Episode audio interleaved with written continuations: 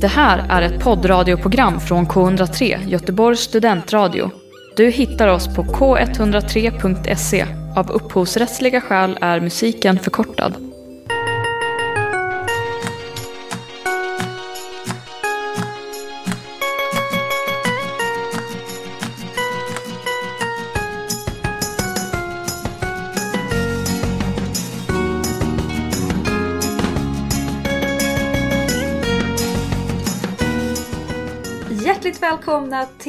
Till eh, vår del 2 av 2021 sammanfattning. Tagning 103 har ju återuppstått från en liten dvala för att sikta både bakåt och framåt i vår film och tv-serievärld.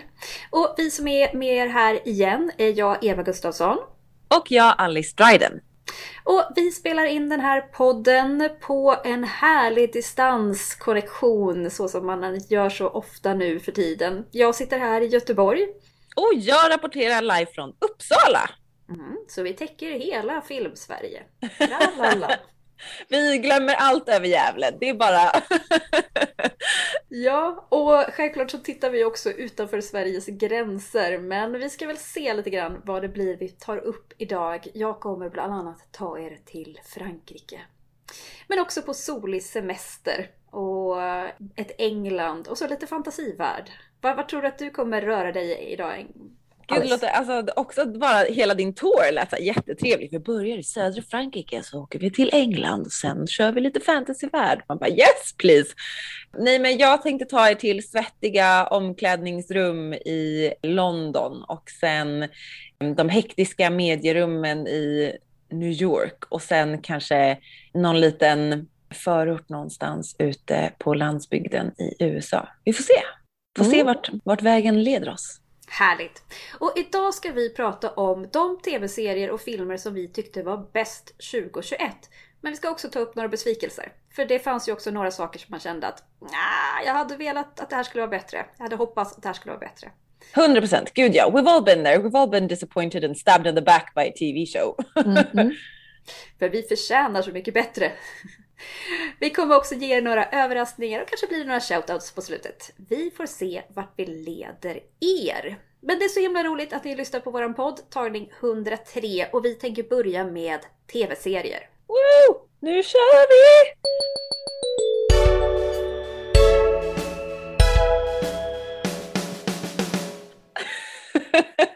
Okej, jag tänker att jag dyker rakt in här. Jag tog bollen Eva som du kastade. Nu, jag håller den här fint i mina händer.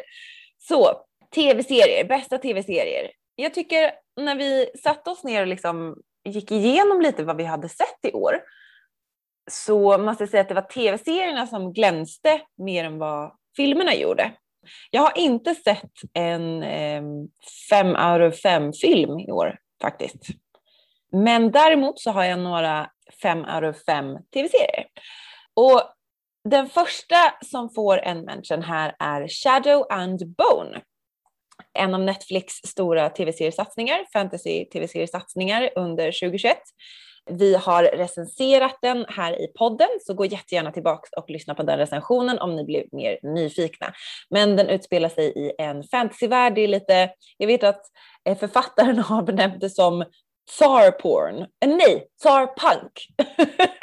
så det är lite så som steampunk fast där Russian Tsar-ish liksom istället. Jag köper verkligen det. Det är lite där det är och jag tycker att det, det är en rolig take istället för The Witcher är ju lite det här vi har sett en liknande fantasyvärld förut, till exempel. Ja, Medans, gud ja. ja. eller hur? Men Shadow and Bone tycker jag ändå är lite, ja men det, den har liksom en edge som jag tycker verkligen eh, passar jättebra in. Och eh, bra skådespeleri, spännande plott, bra magi. Jag gillade det, jag köpte det verkligen, tyckte den var toppen. Sen så en annan fem out of fem är Hjälp, vi har köpt en bondgård med Britta Zackari och Kalle Wahlström. Eh, Zackari tror jag han också heter. Så himla mysig. Vi har också recenserat den här tidigare i podden. Gå jättegärna in och lyssna. Men eh, nej, men alltså jag vet inte. Finns det något som gett mig så mycket glädje som det här? Eh, det är ju ja, knas vad fint det var. Vilka Eh. influenser har du tagit med dig till din lägenhet från den? Kanske att försöka så här, eh, ta vara mer på typ så naturmaterial och verkligen och, och också hela den här grejen med så här, hur ser vi på vart vi bor och så här, renovering versus restaurering kanske mer. Så det tycker jag verkligen är ja, men fint att man ska ta vara på det som finns runt omkring en. Allt behöver inte bara vara nytt hela tiden. Men också typ så här, bara kärlek och att få vara liksom vara på en plats som gör en glad och att liksom alla förtjänar det. Så det känns fint. Och sen så, ah, jag vet inte, mitt tredje val här, jag står i valet och kvalet. Men jag säger, ska jag säga, jag säger One Division.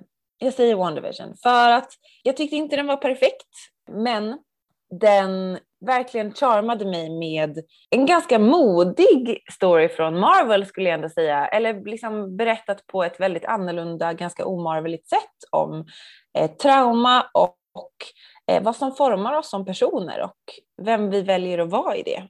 Och liksom, ja, jag tyckte verkligen den berörde mig så djupt och den var så modig i sitt berättande. Så det var Ja, den var väldigt, väldigt fin. Så där har vi mina tre bästa tv-serier 2021.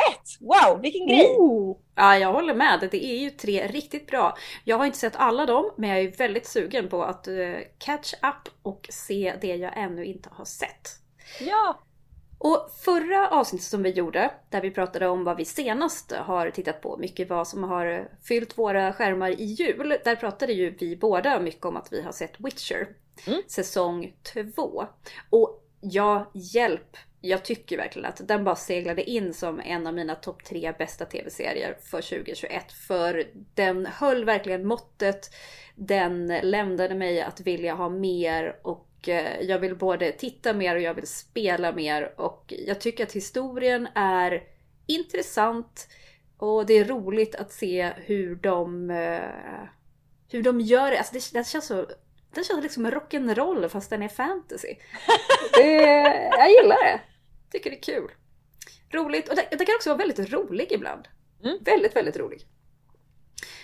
Sen så har jag ju sett någonting som inte kanske var så roligt. Det var snarare ganska hemskt att se. Men jag har tänkt på den under eh, stora delar av året. Jag såg den ganska tidigt under året och jag har bara kommit tillbaka till den och rekommenderade till alla jag mött. Personer jag känner och främlingar känns det som. Och det är Small Axe. Steve McQueens film, eller ja, vad ska man säga? En blandning av filmer och kortare eh, alster som har samlats till en miniserie. Det är fem stycken avsnitt som utspelar sig i England och handlar om eh, immigranter från Västindien som eh, kom till England och som hade ett rent helvete under 60, 70 och 80-talet på grund av rasism. Strukturell rasism helt enkelt.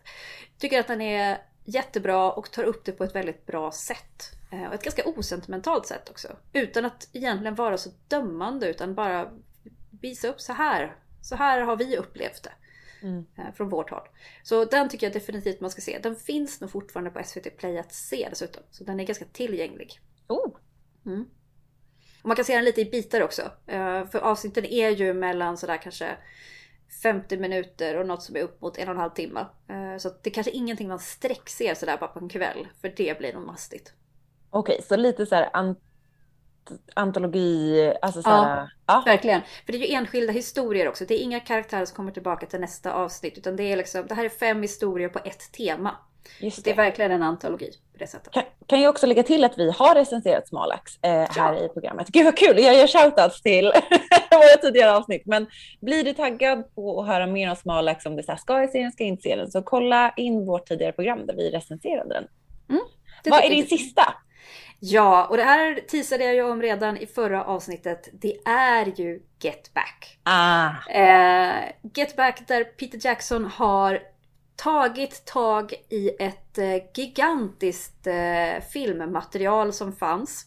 Som gjordes sent 60-tal när Beatles skulle gå in i studion och försöka göra en, liksom, en enklare platta. Tanken var att man skulle återgå från att tidigare ha jobbat med bara studioinspelningar som var så här mer eller mindre helt omöjliga att framföra live. De hade ändå slutat spela live så det spelar ingen roll att man gjorde så här pålägg efter pålägg efter pålägg i studion. Eh, nu skulle man försöka repa in en platta som var som en liveplatta. Den skulle spelas in live i studion. Så hade man inte jobbat på ett tag. Eh, och det skulle också då leda till att man sen skulle kunna göra en livespelning så att man kan spela de här låtarna live. Och eh, det här skulle dokumenteras, det skulle bli en tv-special och det skulle bli en fantastisk stor konsert. Men det var liksom inte riktigt klart hur det skulle ske och hur allt skulle vara. Och man började med att spela in i en gigantisk filmstudio som heter Twickham Studios som finns i London. Och det, det är roligt hur man får följa med på den här resan. För allt det här materialet, där det fanns ett filmteam som var med dem dag ut och dag in och bara filmade samtal när de sitter och skapar, när de sitter och dricker te, när de latchar runt, och så här, när deras barn är på plats. Det är liksom, de är där jämt. Det mynnade sen delvis ut i en film som heter Let it be. Som handlar om då skapandet om, av plattan Let it be. För alla de här repningarna mynnade sen ut i dels Let it be, men inte riktigt bara rakt av. Det blev lite andra inspelningar också av det. Och Peter Jackson har då tagit allt det här materialet, för det är alltså bara timmar efter timmar efter timmar. Och det finns ju egentligen inte riktigt en dramaturgisk kurva liksom. Det fanns nog inte riktigt en plan för vad skulle det bli, utan det var mer så här, vi filmar och så får vi se vad vi kan använda. Sen så under resans gång så förändras också saker. De byter studio, de kommer fram till att vi kan inte sitta i den här jävla filmstudion och försöka skapa någonting. Det här är bara sterilt och kalt och det ger oss inte så mycket inspiration. Och så flyttar de istället till sin egen studio, Apple Studio, som de själva har byggt. Och då märker man hur det blir en helt annan dynamik. Så Get Back är uppdelad i tre stycken filmer. De är ju alla ganska långa. De är så här, ungefär två och en halv timme långa per avsnitt. Då den första är Twickham Studio, den andra är när de är i Apple Studio, den tredje är ganska mycket fokus på själva den takspelning som Beatles gjorde som sin sista livespelning. Alltså det låter, det låter ju så himla coolt och jag tänker liksom att det är historiskt material också. Att det verkligen är så här ett av världens största band i historierna. Men Alltså jag har lyssnat på My Fair Share of Beatles. Jag, min pappa är liksom enorm Beatles-fan, så jag har växt upp med att lyssna väldigt mycket på dem. Jag har lyssnat på dem i vuxen ålder. Men alltså jag vet liksom inte, tycker jag om dem tillräckligt mycket för att lyssna på, eller för att titta på nio timmars material kring mm. när de byter studio? Och då är jag så här, okej, okay, för mig som ändå, jag känner till Beatles, jag tycker om Beatles, jag tycker om Beatles. Eh, alltså they're amazing. Men varför, varför skulle jag lockas av att titta på det här? Hur, hur, liksom, bara kort och koncist, vad, varför ska jag titta mm. på det här? Och jag kan ju börja med att säga att det här är nog inte för alla. Jag tror inte att det är det. Men det är ju definitivt för dig som, ett, gillar Beatles. Och det är ju en ganska stor målgrupp. Eh, framförallt en äldre målgrupp som är så här uppväxta med Beatles och eh, indoktrinerade med dem. Det, de har liksom alltid varit en del av deras liv. För många som är yngre så är det ju snarare en del av musikhistorien. Men man har in, ingen egen relation till det. Det är snarare som du säger, föräldrarna lyssnade på det. Kanske. Sen är det också för den som är musikintresserad. Så här, hur skapas musik? Hur går det egentligen till? Alltså hur, när en person bara sätter sig ner med en gitarr eller ett piano och plötsligt så kommer det en låt. Hur går det till och vad händer liksom? Hur, det här är ju självklart en process. Man kan jobba på massa olika sätt. Jag menar idag till exempel när många jobbar med datorer, det, det, så är det inte alls här. Det är ju superorganiskt. Liksom. Det, är som, det här är för Gustav Norén. ja, det är det. Men det är också för den som känner att den vill liksom kanske faktiskt lära känna Beatles lite grann. För det gör man här. Självklart så är de ju medvetna om att de filmas och allt de säger bandas. Och de är ju dessutom så här, det här är Beatles i sitt sönderfall. De är jättetrevliga och de har jättemysigt och man ser att de tycker det är jättekul. Men det här är ju verkligen Beatles sista dagar. Det är inspelat 69, de bryter upp 70. Det här kommer vara liksom en av de sista grejerna de gör. Och man märker, här ser man också hur det skaver. Hur man, vilka olika roller de hade i bandet, vad de hade för personlighet. För det finns jättemycket material med Beatles. Det finns hur mycket musik som helst, det finns jättemycket bilder. Och de gjorde också sina egna filmer, som de, alltså features, som man kan titta på, som är jävligt silly på alla sätt av olika kvalitet. Liksom. Men här så är de verkligen sig själva. Och man ser liksom vem som vilken roll, hur de är. Och det tycker jag är det som verkligen ger mig någonting. Det är så himla härligt att bara få se dem sitta och vara sig själva. Hur de interagerar med sina fruar, barnen som är där och folk runt omkring dem. Och också samtiden, hur de pratar om saker som, som händer. Hur eh, de pratar om personer som man vet vilka de är när de pratar om så här. Ja, ska vi ringa Eric och se om han vill komma förbi? Så här. Ja, det är Eric Clapton. Ska vi... Eh, eh, så här, alltså, det är ju personer som de är vänner med som idag är musikikoner. Och just att, att förstå hur de relaterar till och så här. Och när de blir så här.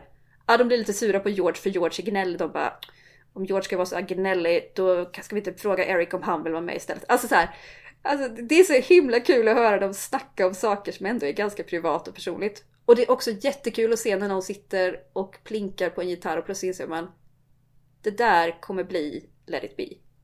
Så här, där kommer han på den låten.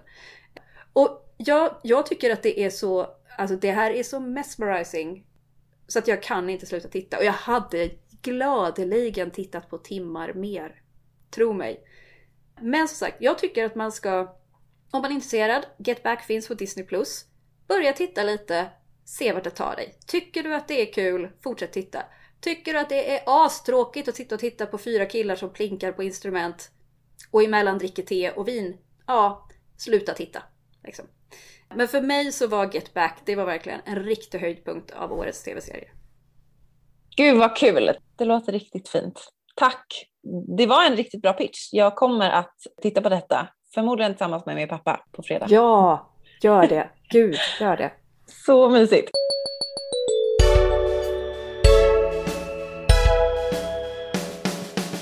Men då tänkte jag gå vidare till topp tre bästa filmer. För det har ju, även om det inte varit liksom det starkaste filmåret, så har det ju funnits guldkorn som vi har tittat på, som vi har tröstat oss med, inspirerats av och liksom fått landa i, tänker jag allt det som jag precis sa tycker jag finns i den här filmen som förmodligen var min enda femma som jag såg det här året. Och det är filmen Luca. Disney-filmen Luca som finns på Disney+. Och den handlar om ett sjöodjur som bor på den italienska kusten och sen upptäcker han att så fort han har en kroppsdel som inte är blöt så blir den mänsklig. Så han kan bli mänsklig om han kliver upp ur vattnet. Men det här är ju då hans föräldrars värsta mardröm så de liksom förbjuder honom att göra det här och det är livsfarligt. Den är så fin och hjärtvärmande och den det spekuleras ju också om att det här är Disneys första film som handlar om ett eh, queerförhållande. Och den är så vacker. Och jag måste säga att jag var så skeptisk. Jag såg affischen och var så här, nej, det här är ingenting för mig. Jag trodde att det skulle vara tråkig, tecknat tråkigt. Jag trodde att den skulle vara liksom tråkig animation. Men det var det verkligen inte. Det var så fint. Eh, så alla fördomar som hade gjort att jag put this off for months var liksom bara som bortblåsta de första fem minuterna. Jag älskade eh, Luca som person, jag älskade filmen Luca, jag älskar konceptet, jag älskar känslorna i filmen och jag grät som ett barn på slutet. Mm. Så den var väldigt, väldigt fin. Har du sett den? Nej, det har jag inte. Jag har helt missat att den ens finns, så jag måste ju kolla upp det här direkt. Ja, och den, men jag tycker verkligen att den har flugit lite under radarn ändå. För den var, jag kommer ihåg att den ändå blev liksom marknadsförd när den kom ut. Men eftersom den kom ut under pandemitiden så ja, den blev ju ingen så stor wow, har du sett den här? Utan ehm, så ja, mitt eh, starkaste tips är att alla går och ser Luca. Den är så himla fin. Sen så, som nummer två på min lista så har vi en film som vi även pratade om eh, i del ett av vår summering av året och det är Dune. Och det är sci-fi-filmen som kom under 2021 med Timothée Chalamet och eh, Zendaya, Oscar Isaac och många annan person som var, jo, och bland annat Rebecca Ferguson som är svensk. Kommer från Simrishamn tror jag. Jättekul. Mm. Mm. Jätteduktig. Um, Ja, verkligen. Hon har varit med i så Mission Impossible, The White Queen tror jag var hennes liksom breakthrough om någon engelsk drottning. jätte, jättebra film verkligen. Jag tyckte den var både liksom att det var element som man bara, det här har man, det här känner man igen från liksom filmhistorien, men också det här var nytt. Så jag tyckte att den var liksom perfekt liksom, blandning mellan spännande, känslosam, utan att vara liksom för cheesy eller på näsan. Och eh, ja, jätte, jättebra. Och sen så kommer vi till problemet välj en sista film. Och då undrar jag, vad ska jag ta? Åh, oh, Eva, det, det är inte lätt. Det Ta den du gillar bäst. Tips från coach.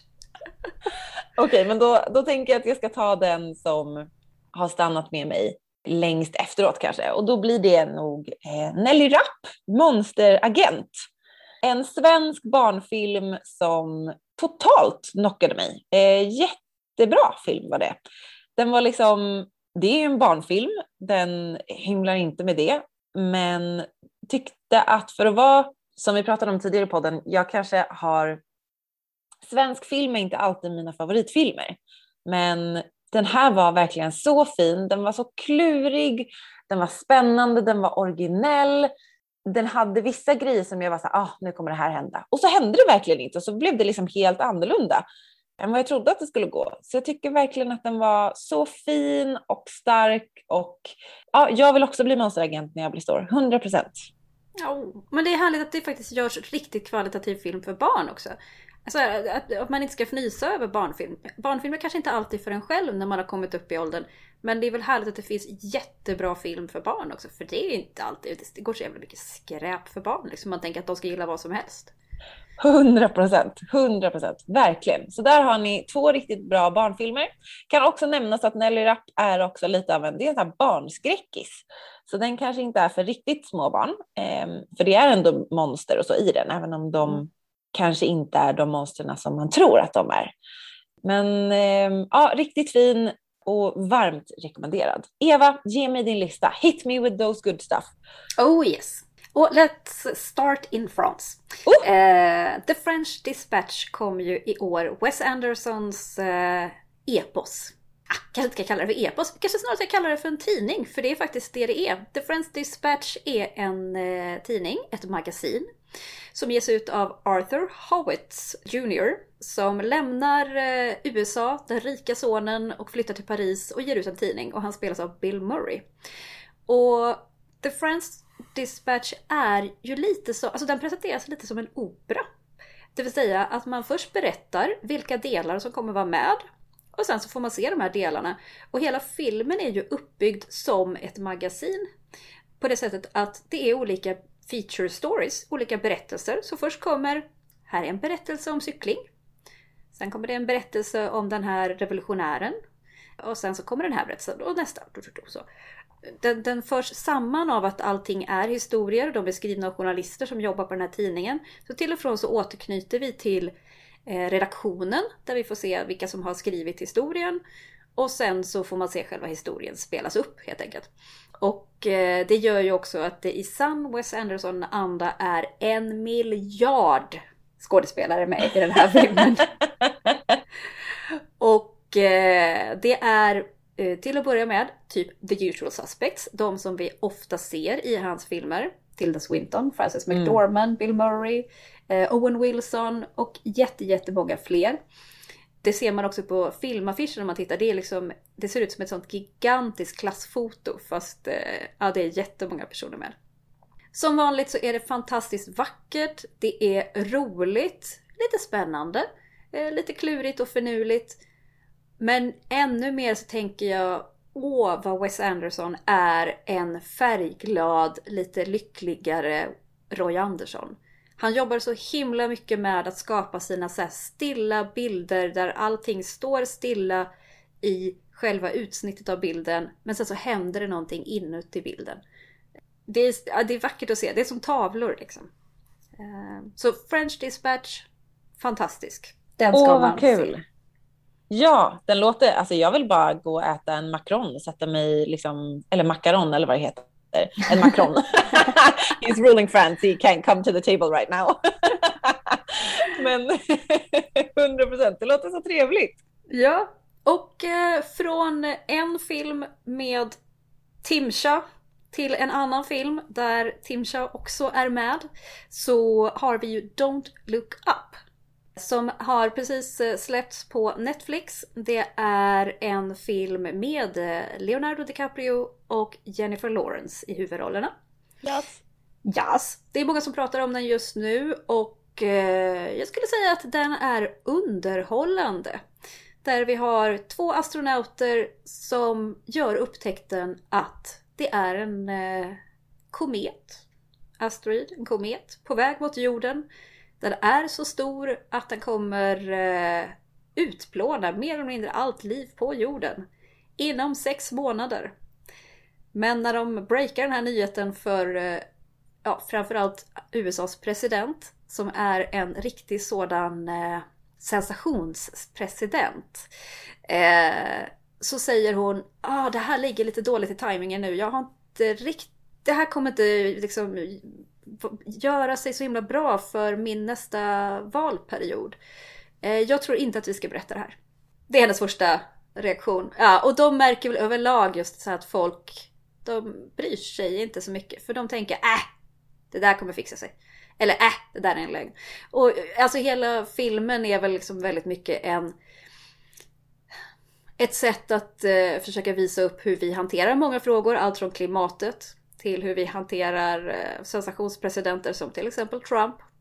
Hur eh, världen är väldigt polariserad, hur sociala medier styr, hur vi är fascinerade av kändisar. Allt det här liksom visas upp på ett alltså ganska ironiskt sätt. Filmen är ju väldigt ironisk och den är liksom självklart jätteöverdriven och många karaktärer känns ju som riktiga seriefigurer. Men samtidigt så finns det väldigt mycket verklighet där bakom. Och så det här är ju ett lättsamt sätt att visa så här, ja, we're going to hell och ni vet om det. Men vi kan ju skratta åt det. Så länge, liksom. Ja. Eh, så jag tyckte att den var rolig. Den är inte, jag tycker inte att den är... En del har höjt den här filmen till skyarna på alla gränser. Men jag tycker att den är verkligen underhållande och den träffar ganska många roliga punkter. Mm. Samtidigt som det är kul. Så... eh, Ja, Don't Look Up. Värd att se. Definitivt. Mycket bra. Min sista film är jättetramsig. Men jag älskade den så himla himla mycket. Barb and Star Goes to Vista Del Mar. Den är ju en komedi om två stycken eh, bästisar som bestämmer sig för att åka på semester tillsammans.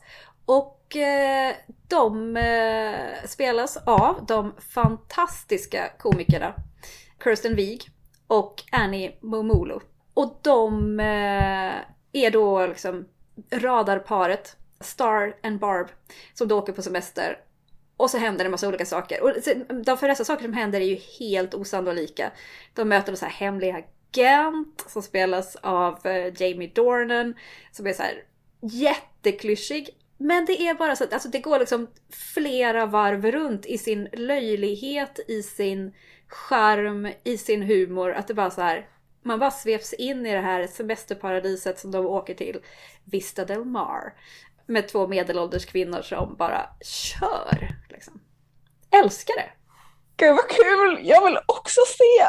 Ja, se den. Det är en sån solstråle. Älskade den. Bara man bara kommer förbi den här första tröskeln av att oj, det här kommer vara löjligt. Älskar det. Älskar det. Gud vad kul. Jag är också alltså, snorimponerad över hur strukturerad du var. Du hade tre. You came to the table with three films and you delivered three films. Mycket bra. Tack Eva. Varsågod.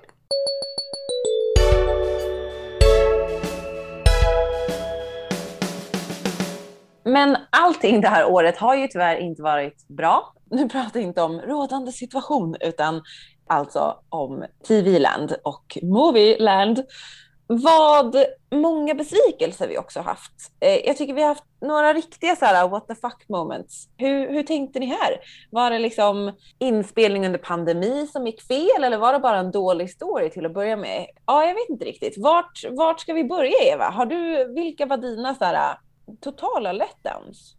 Ja, alltså det är två stycken tv-serier som jag eh, framförallt tänker på, som jag var besviken på.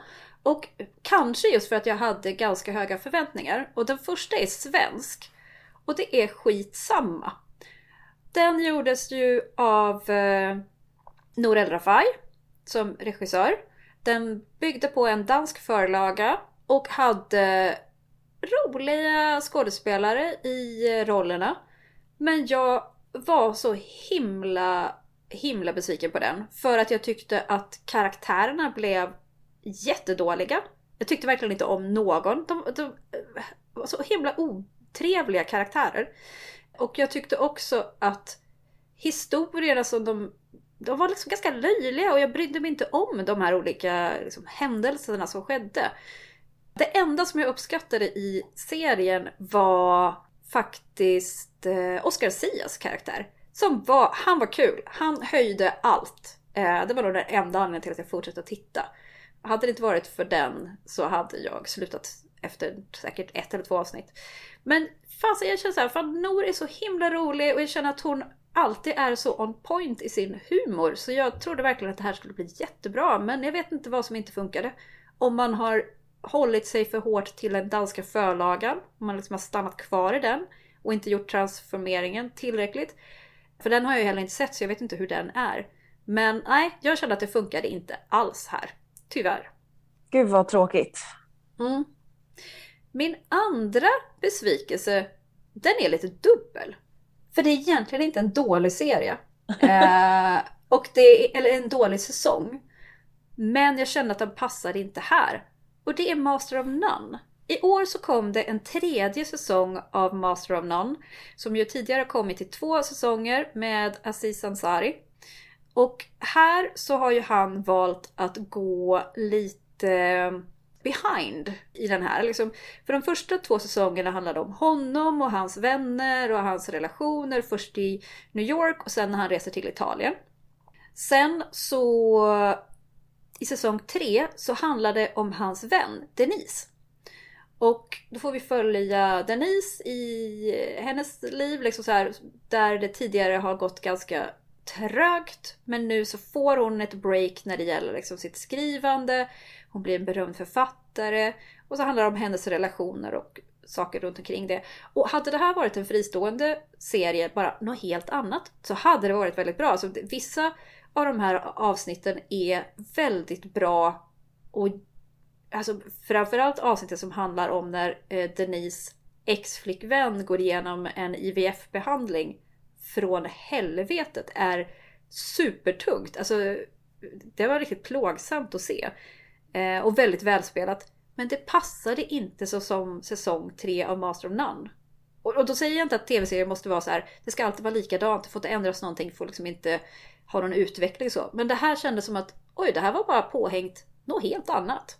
Från att man brukar ha en husvagn så har man plötsligt bara höjt på, liksom, hängt på en drake på bilen istället. Någonting helt annat liksom. Eh, så jag var besviken men ändå ja, så här, väldigt dubbelt lite what the fuck moment när man bara ja. you had a good thing going, what happened? Verkligen. Ja, okej. Okay.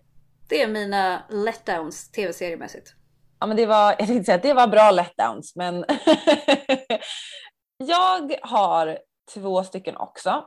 Och det är, den första är The Morning Show som går på Apple TV Plus med Jennifer Aniston och Reese Witherspoon. Och säsong ett på samma plattform var jag tyckte jättebra. Den var intressant, komplicerad, rolig, fängslande. Jag, jag gillade den. Och säsong två var bara så här, what the fuck? De gjorde så många val i storyn som inte, alltså som inte made något sens överhuvudtaget. Alltså det var så konstigt. Och det var inget som var så konsekvent med så här, ja de här karaktärerna som ni byggt upp i en säsong, de skulle reagera så här. Trodde ni ja! Och sen vände de på det och bara flip the pancake och sen så var det helt random. Ja nej, den var bara, den var ologisk och eh, jag har inte sett de tre sista avsnitten. Kanske, vem vet? Det, allt kanske löser sig där. Men det är bara riktigt... Ja, too late i så fall skulle jag säga. Exakt. De första sex avsnitten är så här, what? Um, så nej, det, den går inte hem faktiskt. Och jag ville så himla gärna att den skulle gå hem. För jag gillade verkligen säsong ett. Den var smart och den här tyckte jag inte var så smart. Eh, den kändes mer som, de hade en säsong och sen kom covid och då skrev de om hela manuset på en vecka och då blev det det här. Mm. Eh, och då blev det jättekonstigt. Och sen min andra besvikelse, också en serie och den pratade jag lite om igår och det är Amazon Prime Videos storsatsning eh, Whale of Time, Drakens åtkomst. Och eh, nej, alltså det är så tråkigt. Jag hade så höga förväntningar. Jag tänkte här kommer liksom typ Shadow and Bone fast liksom Amazon. Att det, det är liksom storslaget, det är coolt, det är liksom bra skådespelare, det är Rosamund fucking Pike. Alltså mm -hmm. she's amazing. Och hon är brunett, hon är jättefin i brunt hår. Jag bara wow, she can, she can work anything. Um, men nej, det föll så platt. Det som var bäst med serien var Rosamund Pike. Men inte ens hon kan liksom dra, dra en hel show. Särskilt när hon ligger i koma i några avsnitt. Alltså, det, det funkar inte. Så ah, nej, det var en sån stor besvikelse. Jag, alltså det finns bra grejer med den. Den är inte beyond redemption, men eh, ja, jag kommer definitivt se säsong två, men jag kommer också hoppas att de har lärt sig av sina läxor av säsong ett. Men eh, ja, det är ju sällan, det är sällan saker blir mycket bättre tycker jag. Nej, har det börjat gå ut för så går det oftast inte upp igen. Men jag blir jättegärna glatt överraskad. Exakt, exakt. Alltså we're rooting for you, mm. but cautiously. Mm. Så eh, ja, det var mina, det var mina lättans. Sen kan jag bara slänga in två stycken filmlättans också medan vi ändå är igång. Men Dark Waters med Mark Ruffalo som jag trodde skulle bli en så här uh, amazing Aaron Brockovich eh, film var bara långsam och tråkig. Och... Ja, gud vilket knäckebröd det var. det var så här knäckebröd utan pålägg. Det var bara ja. så här torrt. Um, det är det man äter när allt annat är borta. När du liksom öppnar skafferiet och bara, åh, det finns bara den här torra lilla knäckebrödremsan kvar. Fan då. Mm. Och sen också Amy Polars Netflix-film som skulle vara någon så här äh, teenage feminist liksom hymnsång. Moxie. Den äh, plaskade så hårt tyckte jag.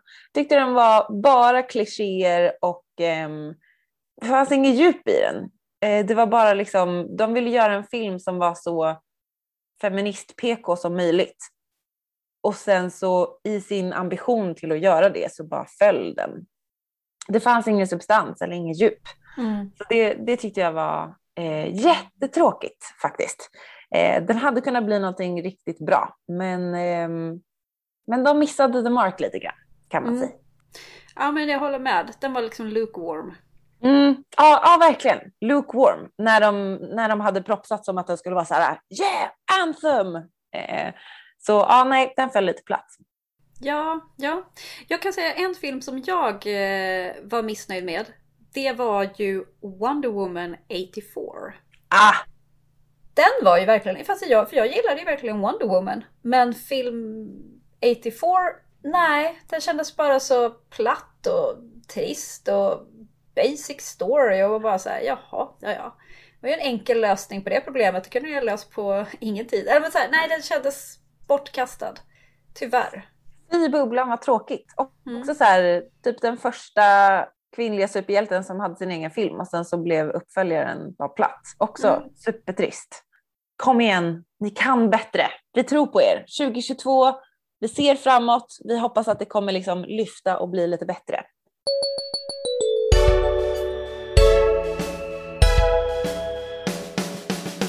en spaning här.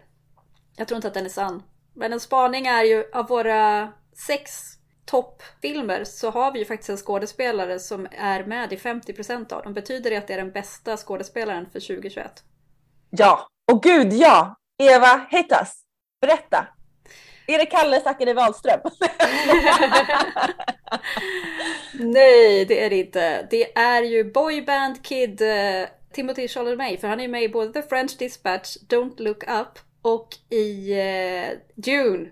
Ja, nej det är sant. Oj, oj, oj. Ja, men det kan vi ju... Alltså utan att överdriva kan vi säga att det här har ju typ varit... Alltså de senaste fem åren har väl varit Timothy Charlemagne's years. Han har ja. ju gått från liksom jag vet inte, hade han ens liksom en karriär innan han blev megakänd? Det kändes bara ja, som Ja, men det var Han var ju ja. med i till exempel Homeland. Där var han ju barnskådis. Eller ja, barn, kid-skådis.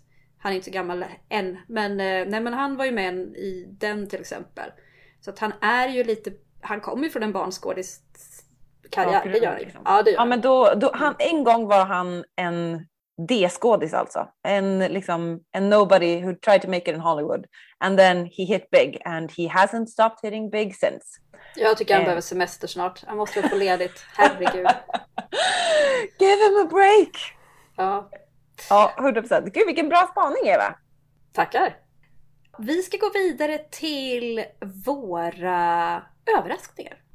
Ja! Åh, så kul! Får jag börja? Det får du jättegärna.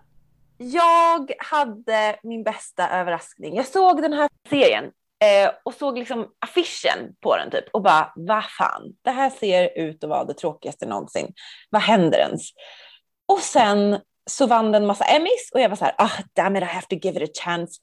Gjorde det och alltså skrattade så mycket, charmades otroligt och bara älskade allt. Och det är the one, the only Ted Lasso. Alltså, he charmed my pants off. Alltså det finns liksom, det är så bra. Det handlar om fotboll i London. Och eh, Ted Lasso kommer in som coach från USA och är totalt liksom doomed to fail. Liksom, han har väldigt höga förväntningar på sig för det är liksom ett Champions League-lag här. Eller Premier League kanske. Ja, mm. Ja, jag lärde mig inte jättemycket om fotboll medan jag såg den här. Jag fokuserade på relationsdramarna. Premier League är ju den engelska ligan medan Champions League är ju de bästa lagen i europeiska fotbollsligor. Ah, Okej, okay, så det är ett Premier League-lag som, eh, vem vet, i säsong tre kanske blir Champions League. Who knows? Eh, jag håller tummarna för att jag hejar på det här fotbollslaget. Jag hade eh, taken a hit for any of them. Alltså jag älskar de här karaktärerna djupt i min själ. Jag eh, kommer alltid att minnas kärleken jag har för dem. Så ja, Ted Lasso swept me off my feet and um, I don't want to stay grounded. That's all I have to say about that. Ja, och min överraskning för året var ju någonting som jag inte trodde att jag skulle gilla. Och det är också jätteroligt för min sambo gillade det här också jättemycket. Vi bara sträcktittade på det här. Och skämdes lite grann dessutom, kan jag säga. Eh, för vi såg säsong ett av Bridgerton. Yay! Oh my god! Och det är, alltså det är ju en sån Harlequin-novell, bara rakt av. Det är så här tantsnusk rakt av. Men det var ändå någonting med Man satt ju bara så här och var bara så upprörd på de här bara skärp dig, det här är orimligt, vad är det här frågan om? Men ändå så tittade vi slaviskt. Alltså det här var kanske min största överraskning. Jag älskar det. Åh, jag älskar det så mycket. Vet liksom inte vad jag ska ta vägen. Fantastiskt. Det här, vilka bra nyheter. um, ja, ja, tack. Uh, vi är många som har varit högt och jag känner mig eh, lugn och glad i själen över att du och din sambo nu har joinat oss andra i tantsnusket. Eh, mm. Ja, welcome! Tack, tack, tack. Så, så fint. Ska vi kanske ge en shout-out och sen kanske wrap up this year? Jag vet inte. Ja, ja men jag tänker väl, jo men det kanske vi ska börja göra. Men det är ändå några saker som jag tycker kan vara värda att uh, lägga in. Det kom ju till slut en Bondfilm. Den där som vi har väntat på så himla länge. Oh. No time to die. Nu har äntligen Craig fått uh, lägga Bond-kostymen på hyllan och uh, kan sikta vidare mot någonting annat. Och jag tyckte ändå att det var ett värdigt avslut från hans sida. Den filmen höll väl måttet likt en Bond-film gör. Den var inte amazing, men den var heller inte en av de sämsta. För ärligt talat, en del av alla de där Bond-filmerna är så jävla dåliga. De, de får ju bara finnas för att de är del av den där serien. Vart rankar den i Daniel Craigs, liksom, för det här var hans femte film om jag minns rätt. Eh, mm. Vart tycker du att den ligger liksom topp top två, tre eller liksom? Oj, jag kan tre? inte riktigt ranka dem på det sättet. Det känner jag att jag inte kan. Kanske att den ligger trea, tre, ja. fyra. Alltså, den var inte sämst, den var inte bäst. Men eh, jag tycker att de har hållit det ganska jämn. Alltså, de ger ganska spektakulära filmupplevelser. Man ska se dem på bio. De är underhållande då, man minns inte så mycket sen. Mm. Åtminstone inte jag. Nej, men det, det låter ändå det låter som ett bra betyg för en Bondfilm ändå, tycker jag. Kul! Några fler som du har gått och liksom hållit på? Ja, men alltså, jag, jag, kan väl ändå lite slå ett slag för The Search Party. Som Mm. är en ganska okänd eh, serie ändå. Den kommer ju med ytterligare en säsong i år. Och den ska ju fortsätta att komma. Det här var den fjärde säsongen. Den har ändrats lite under resans gång, både i ton och i liksom vad fokuset är. Men själva mittpunkten i den är ju ett kompisgäng på fyra personer som eh, började med att de sökte en försvunnen människa och sen så bara det är någonting som bara completely spiraled out of control. Eh, och det har varit allt från rättegångar till eh, kidnappningar till massa olika saker. Ond bror död. Som har rört sig igenom de här säsongerna. Och i eh, fullt, fullt fokus så har vi ju Dory som spelas av Alia Shawkat. Den här finns på More och ja, om jag tidigare sa att jag inte gillade skitsamma för att jag inte gillade karaktärerna. Så är det så här, det finns ingen, eh, ingen som säger att man inte kan göra karaktärer som är väldigt otrevliga. Man måste ändå kunna gilla dem. Och det här är verkligen fyra riktiga egocentriska as egentligen. Men de är så himla himla roliga. Så himla roliga. Och serien är både jätterolig men också ganska allvarlig och ganska mörk. Eh, Så har man inte sett The Search Party så finns den på More och det här kan vara någonting att upptäcka för 2022. Även om den har pågått några år så eh, den fortsätter att hålla kvaliteten. Gud vad kul att höra. Jag tänker så här. Jag kan inte avsluta det här året. Jag kan liksom inte lämna 2021 bakom mig om jag inte får säga så mycket bättre. Årets säsong. Alltså herregud vad bra det var tyckte jag. Mm. Jag alltså fulgrät framför tvn flera avsnitt och också var så här. Jag tycker det är så fint att vi tar den här tiden för att typ lägga på konstnärer och artister och folk som ger någonting till oss. Förstår du vad jag menar? Att det Mm. verkligen är så här, det är inte bara kända personer, utan det är verkligen folk som så här, har gett av sin konst, av sig själva och gett det till världen och nu sitter de här runt ett bord och pratar om saker och också får typ cred och kärlek och lyfts. Och jag tycker, för jag vet att många är så här, åh nej, det är bara massa smör-tv och de bara liksom brassar på, och, alltså så här massa, alltså att det blir för mycket eller så här, men gud, det Mm. blir lite skämmigt att de ska hålla på och försöka maxa hela tiden. Jag säger nej, alltså det här är personer som ger av sig själva. Varför skulle vi inte maxa? Mm. Varför ringer vi inte våra gamla lärare och som säger så här, gud vad trevligt det var att ha dig som elev eller liksom. Va- Varför skulle vi inte göra det? Varför skulle vi inte unna folk det här? Mm. Eh, Ja men också att få se vad som finns, att en artist inte bara är sin senaste hit. Utan Ah. att, så här, att man får höra om deras olika resor fram till den där hitten. Och än, Ja. ännu mer, bara alltså just de här eh, historierna om, för det går ju inte alltid lika bra för en artist till exempel. Alltså, ibland så är man på topp och sen så glömmer folk bort den och man blir liksom så här, nej men nu är vi mer intresserade av den här nya unga artisten. Och Ja. att eh, en del får ju inte samma, och en del tar inte samma utrymme heller. Mm. Och eh, därför är det så intressant att få höra liksom, hur de har upplevt olika situationer och olika händelser som vi kanske känner till, men hur har de upplevt dem?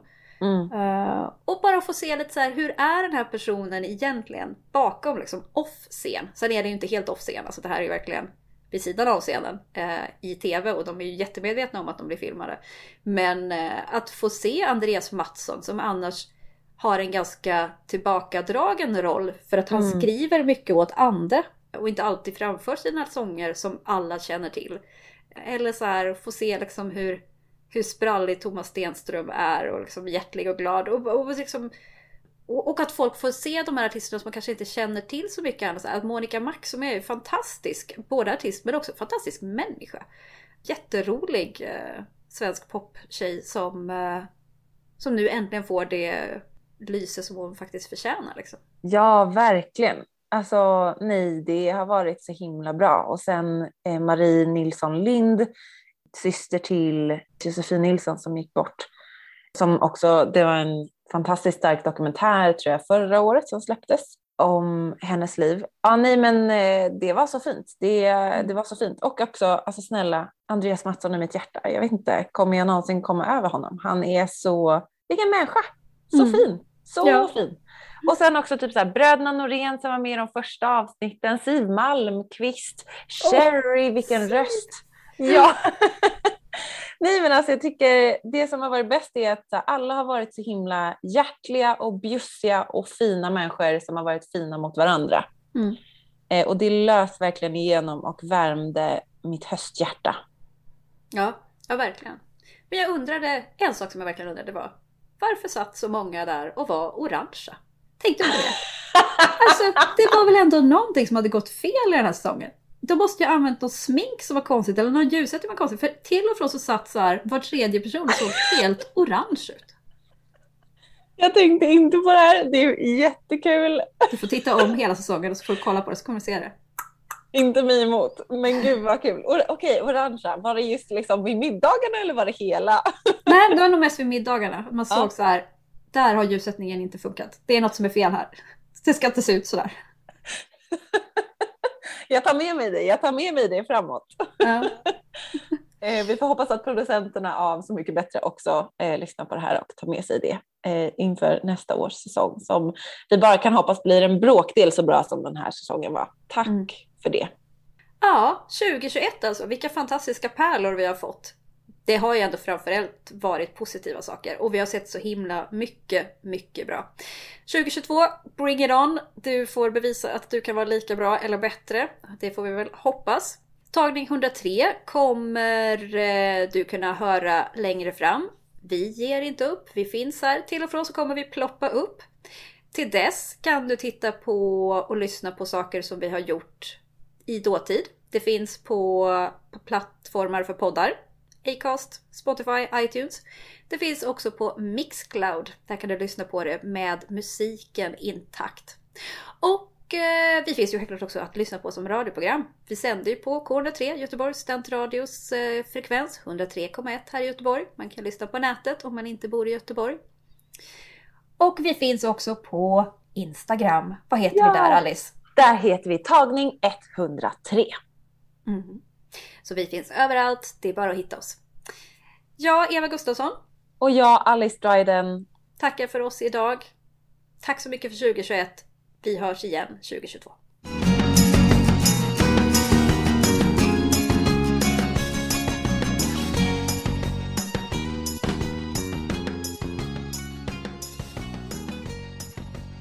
Du har hört en poddradioversion av ett program från K103 alla våra program hittar du på k103.se.